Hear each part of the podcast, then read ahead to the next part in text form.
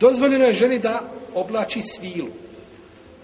Znači, kod ženske odjeće ona može biti svilena.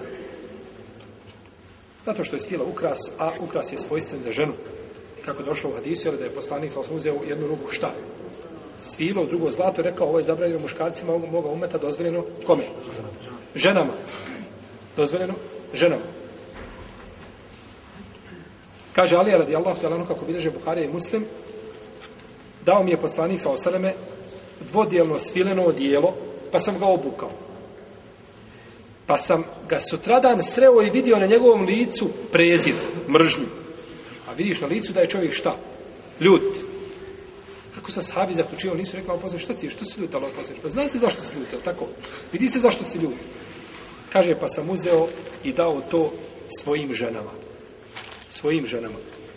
Jel ali imamo više žena? dao sam svojim šta?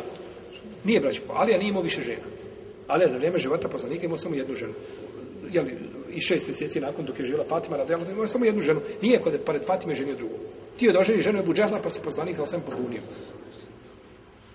Neće se, kaže, spojiti u jednoj kući žena poslanika i žena lahog neprijatelja. Pa nije dozvolio da oženi čerka buđahla. Ovaj. Nego se ženio nakon toga. Ali za vrijeme Fatime, radi Allah, dao je svojim ženama, misli se na svojim ženama rodbine, je tako? Je tetka, ja, je li, ovaj, je li, znači druga rodbina, rodbina koja mu je, je li, bila, pa je podijelio, znači dao tu odjeću, to nije odjeća za muškarca. Govorili smo kako musliman može osvijeti. Kada? A, smo govorili, sećat se. Znači, kada je bolest, kao da je tijelo tako ne smije ništa znači doći na tijelo ovaj zna braćo onaj ko je to imao možda neko sad gleda kako to može biti zna onaj ko je imao ko je imao čir nekada na tijelo tako znači šta god mu padne na, na, na tijelo kao da mu je stijena pala znači na to mjesto gdje je čir pa mora ima zaista nešto to je od olakšice znači u šarijetu ili da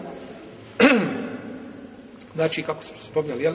ako je svila jedan dio te svile, znači manje je tu, znači spominjala smo šta je ulema govorila po tom pitanju.